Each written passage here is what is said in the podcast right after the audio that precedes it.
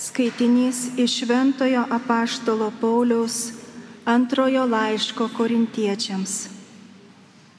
Broliai, kaip Dievas mato, jums duotas mūsų žodis nebuvo kartu, taip ir ne. Juk Dievo sūnus Kristus Jėzus, kurį jums paskelbėme aš Silvanas ir Timotiejus, anaip tol nebuvo ir taip ir ne bet jame buvo tik taip. Kiek tik yra Dievo pažadų, jie yra jame taip. Todėl jis skamba ir mūsų amen Dievo garbiai. Juk Dievas mus ir sutvirtino ir patepė Kristui. Jis pažymėjo mus savo anspaudu ir siuntė į mūsų širdis Dievo laidą. Tai Dievo žodis. Amen.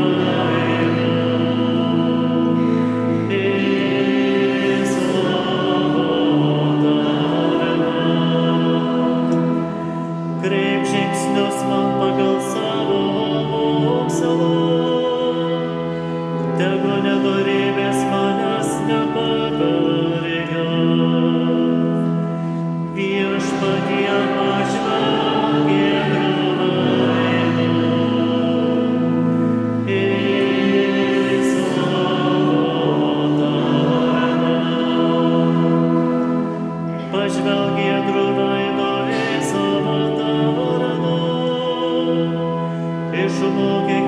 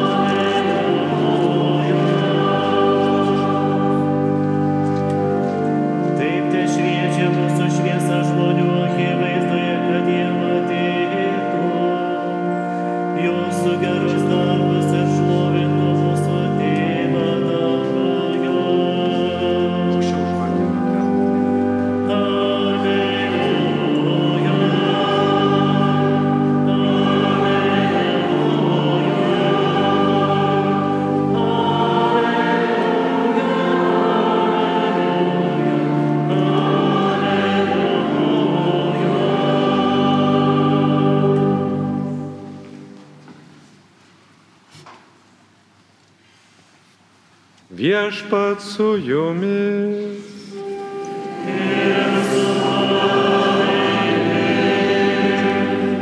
Iš Šventojios Evangelijos pagal matą.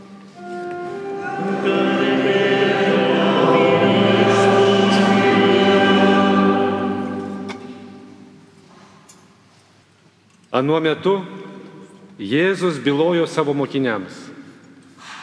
Jūs žemės druska. Jei druska įsidvoktų, kuogi ją reikėtų pasūdyti? Ji niekam netinka ir belieka ją išberti žmonėms sumindžioti. Jūs pasaulio šviesa. Neįmanoma nuslėpti miesto kuris pastatytas ant kalno. Ir niekas nevožia indu degančio žiburio, bet jį stato į žibintuvą, kad šviestų visiems, kas yra namuose. Taip te šviečia ir jūsų šviesa žmonių akivaizdoje, kad jie matytų gerus jūsų darbus ir šlovintų jūsų tėvą danguje. Tai viešpaties žodis.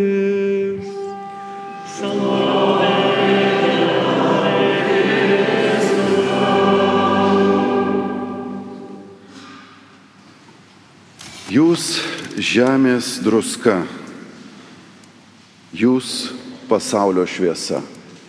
Kokie gražūs komplimentai iš viešpaties Jėzaus lūpų nuskamba jums, brangieji kurie esate susirinkę čia į Šiluvą, kurie atvežėte savo gražias širdis, kad jas viešpats toliau globotų, perkeistų ir vestų. Ir visa tai mums šiandien skamba kaip pastiprinimas ir padėka iš viešpaties ir taip pat įpareigojimas būti to pašaukimo vertiems Šis komplimentas, galime pasakyti, yra kiekvienam iš mūsų naujas įkvėpimas. Senovės pasaulyje druska buvo labai vertinama. Graikai druską vadino dieviškąją, o romėnai sakydavo, nėra nieko naudingesnio už saulę ir druską. Jėzaus laikais druska žmonių sąmonėje buvo siejama su trimis ypatingomis savybėmis. Pirmoji, ji siejama su tyrumu, nes buvo gaunama iš jūros vandens ir saulės.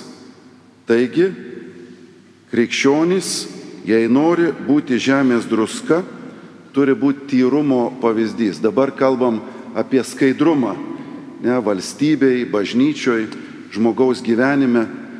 Tai va tas skaidrumas turėtų būti mumise taip įprastas, kad net kitus įkvėpti ir užkrėsti tuo galėtume.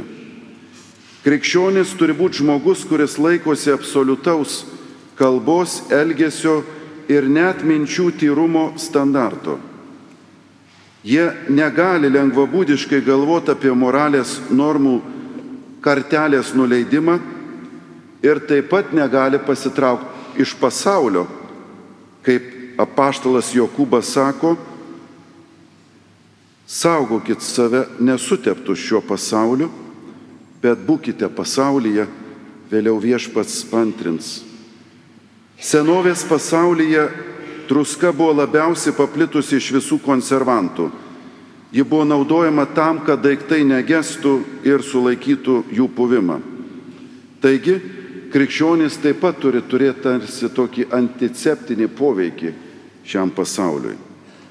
Na, o didžiausias ir akivaizdžiausias druskos naudingumas ir savybė, jis suteikia maistui skonį. Be jos jis prieskas, neskanus, o kartais net šleikštus. Krikščionis gyvenimui, gyvenime taip pat turi būti kaip druska ji suteikia gyvenimui skonio. Šiandien liūdna pripažinti, kad krikščionys dažnai siejami su priešingais dalykais. ir su tyrumo ar skaidrumo stoka. Na ir taip pat kartais kalba pasaulis, kad tikėjimas atima iš gyvenimo skonį. Kai imperatorius Konstantinas pavertė krikščionybę Romos imperijos religiją, į sostą po jo atėjo kitas imperatorius vardu Julijonas, kuris norėjo gražinti tarsi laikrodį atgal ir senuosius dievus ir jų praktikas į, praktika, į apeigas vėl gražinti. Jo skundas, kaip rašo dramaturgas Henrikas Ibsenas, buvo toks. Ar atidžiai pažvelgėte į šiuos krikščionis? Jie tuščia viduriai, bliškiais kruostais, jie dūsauja, neskatinami ambicijų, saulė jiems šviečia, bet jie jos nemato. Žemė siūlo savo pilnatvę, bet jie jos nestrokšta, visas jų troškimas įsižadėti ir kentėti. tai čia pagonis imperatorius kalba apie krikščionės. Na, mes turime greičiausią tendenciją perlenkti, ne? Kur ta šviesa, energija, entuzijazmas? Taigi, mūsų pirmųjų amžių krikščionys turėjo ką mokytis ir mes panašiai turime ką išmokti. Ir mums reikia atrasti tą krikščioniško tikėjimo spindesi. Susirūpinusiame pasaulyje krikščionys turėtų būti žmonės, kurie išlieka ramus. Depresijos apimtoje E, visuomeniai krikščionys turi būti žmonės, kurie išlieka kupini gyvenimo džiaugsmo. Svaizduokit, kokie čia man mums uždaviniai keliami. Nes mums labai lengva faktiškai įsijungti tą murmančių e, grupę ir tada sakant žmogui, žiūrėk, yra labai blogai. Ir tada aš ateinu, yra labai blogai. Aš jums pasakysiu, kaip blogai yra mes tarsi konkuruojame vieni su kitais ir tokiu būdu atimam iš žmonių viltį. Tokia druska tik išmetimui. Įdomu pastebėti, kad Palestinoje būdavo įrengiamos krosnys už durų ir prie durų ir pastatyta iš akmens ant plitelių pagrindo. Tokiuose krosnyse, siekiant išlaikyti šilumą po plitelėmis, būdavo išklojamas didelis sluoksnis druskos, kad laikytų šilumą. Po kiek laiko ta druska sugesdavo ir ji būdavo išmetama ant kelio, pakeičiama kita. Tai panašiai gali būti ir su krikščioniu. Ar jis turi tą šilumą, ar jis gali skleisti pasaulyje tai, kam pakviestas. Jei tikintis net savo paskirties netlieka, tai jis nei savo, nei kitiems nepadeda. Jūs esat pasaulio šviesa.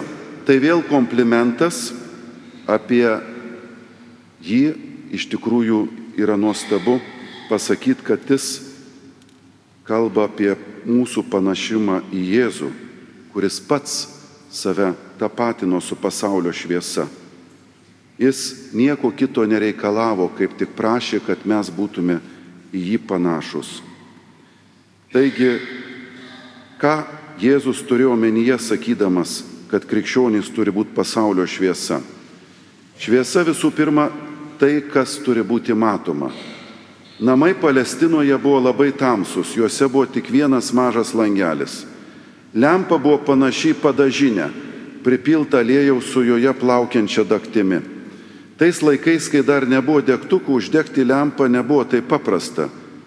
Lempa stovėdavo ant stovo, ant tokios grubios formos medžio šakos, o jei žmonės išeidavo, saugumo sumetimais nuimdavo lempą nuo stovo ir padėdavo ją po moliniu indu, kad neuždegtų nieko. Taigi, tikėjimas irgi turi būti kažkas, kas matoma, kažkas, yra pasakęs, negali būti tokio dalyko kaip slapta mokinystė, nes arba slaptumas sunaikina mokinystę, arba mokinystė sunaikina slaptumą. Taigi, mūsų tikėjimas turi reikštis matomai ženklais. Ir jis turi būti matomas ne tik bažnyčioje, bet ir pasaulyje. Jūs esate bažnyčios šviesa, galėtume sakyti, bet taip pat Jėzus kaip Evangelija mini kalba, jūs esat pasaulio šviesa, taigi ir pasaulio. Mes turime būti pavyzdys. Pavyzdžiui, yra grupė žmonių, kad, kurioje siūloma padaryti kokį nors abejotiną dalyką. Jei niekas nepareikš protesto, tas dalykas bus padarytas. Bet jei kas nors atsistos ir pasakys, aš tam nepritarsiu, kitas atsistos ir tada prisidės, aš taip pat nepritarsiu. Ir jeigu tokios iniciatyvos nebūtų buvę, visi būtų tylėję. Štai kokia krikščionio misija - būt drąsiam ir pasakyti, tai nedėra, tai nevalia arba tai prieštarauja žmogaus prigimčiai ir Dievo valiai. Šiandien pasaulyje daug žmonių, kurie neturi moralinės stiprybės ir drąsos patys užimti poziciją, bet jei kas nors jiems duos pavyzdį, jie seks paskui, jie turės pakankamai stiprų žmogų, į kurį galės atsiremti ir tada pasielgs teisingai. Tad tikinčiojo pareiga užimti poziciją, kurią palaikys silpnesnis brolis ar sesuo, duoti ženklą, kuriuo seks tie, kurie mažiau drąsos turi. Tad pasauliu reikia vedlių, žmonių daug laukiančių ir trokštančių vadovo, kuris užimtų poziciją ir padarytų tai, jie pat, ko jie patys nedrįsta. Na ir taip pat šviesa yra įspėjimas sustoti, kad nebūtų daugiau žalos, kad nebūtų tai, kas vėliau žmogaus gyvenime yra kaip praradimas ar gailestis. Vienas jaunas žmogus tai pasakė, aš niekada nebūčiau atsidūręs tokioje padėtyje, kokioje dabar esu, jei tik būtumėte laiku man prabilę. Ne, o jeigu būčiau jaunas, tada kitaip kalbėčiau. Taigi mūsų aplinkoje daug jaunų. Apsimoka jiem pasakyti ir tvirtesnį, ir svaresnį žodį, o tik nenurašyti čia dabar tokia karta, tokie laikai, dabar jie taip visi daro. Drąsos kalbėti, drąsos šviesti. Žmonės turi matyti mūsų gerus darbus. Graikų kalboje yra du žodžiai reiškintis gerus darbus. Yra žodis agatos, kuris paprasčiausiai apibrėžia daiktą kaip gerą savo kokybę ir yra žodis kalios, kuris reiškia, kad daiktas yra ne tik geras, bet ir žavus, gražus ir patrauklus. Taigi čia vartojama žodis kalios. Patrauklus krikščionis yra, žavus savo laikysena, savo spindėjimu. Geri tikinčio žmogaus darbai turi būti ne tik geri, bet ir patrauklus. Krikščionio geruma turi būti tam tikro žavesio Daugelio vadinamo gerumo tragedija yra ta, kad jame yra kietumo, šaltumo ir griežtumo elementai. Yra gerumas, kuris traukia gerumus, ir gerumas, kuris atstumia. Tikrame krikščioniškam gerume yra to žavisio, kuris yra mielas. Be to pažymėtina, kad mūsų geri darbai turėtų atkreipdėmėsi ne į mus pačius, bet į Dievą. Šis Jėzaus posakis draudžia, ką galime pavadinti teatrališku gerumu. Krikščionys niekada negalvoja apie tai, ką jie padarė, bet apie tai, ką Dievas jiems leido padaryti. Jie niekada nesistengia nukreipti kitų akių į save, bet visada siekia nukreipti jas į Dievą. Kol žmonės galvoja apie pagirimus, padėkas ir prestižą, kurį jie gaus už tai, ką padarė, tol jie iš tikrųjų net nepradėjo eiti krikščioniškojų keliu. Brangieji, Šiandien bažnyčia mini spindinti šventojo pavyzdį, šventąjį Antaną. Mes jį prisimename antradieniais, taigi kaip ir šiandien, 13 dieną antradienį, dar kartą dėkojam gerajam viešpačiui už jo nuostabų gyvenimo pavyzdį. Jis 13 amžiaus šventasis popiežiaus Leono 13 pavadintas viso pasaulio šventuoju. Gimė Portugalijoje, Lisabonoje. 1195-aisiais per krikštą gavo Ferdinando vardą. Jo tėvas Martinas buvo riteris, motina vardu Marija, taip pat kilusi iš kilmingos šeimos. Sulaukęs 15 metų įstojo Švento Augustino reguliariųjų kanauninkų ordiną Švento Vincento vienuolinė netoli Lisabonos.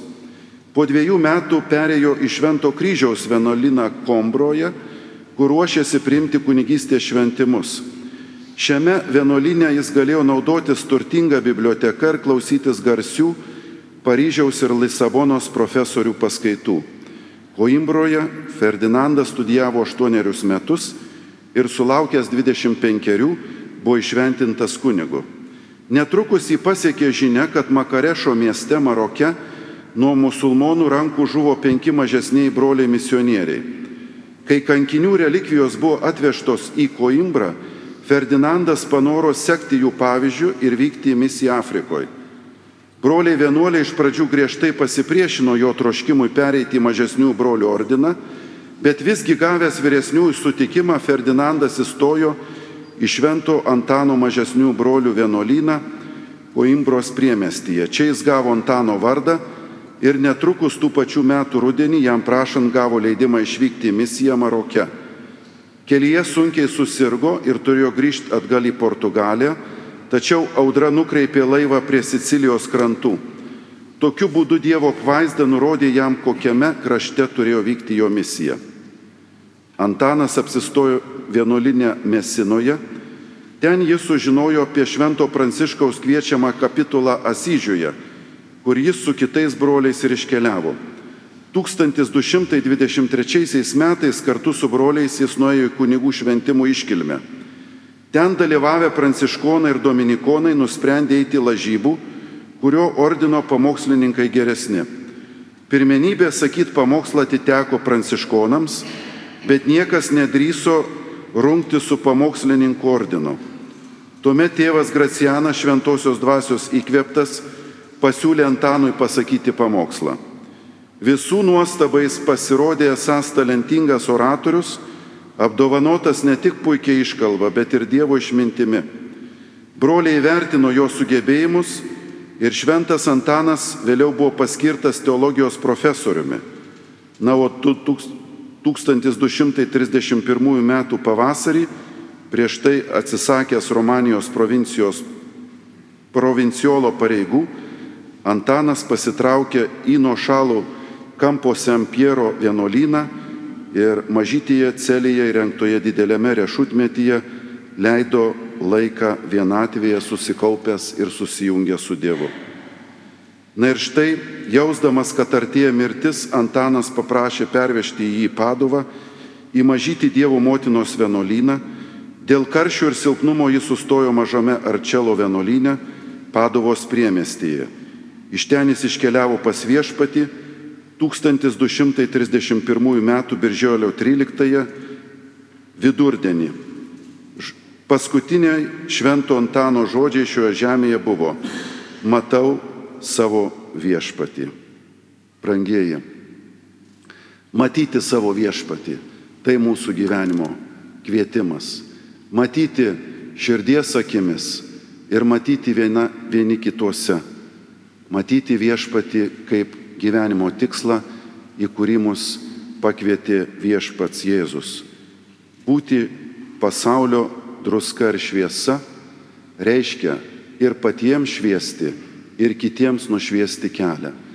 Taigi, melskime šventojo Antano užtarimo, melskime vieni už kitus ir melskime, kad ta kelionė būtų remiame mergelės Marijos užtarimo, kuri žinojo, ko mūsų širdims labiausiai reikia ir koks ilgesys geriausiai yra išpildomas tik tai to, kuris sukūrė mūsų širdis. Amen.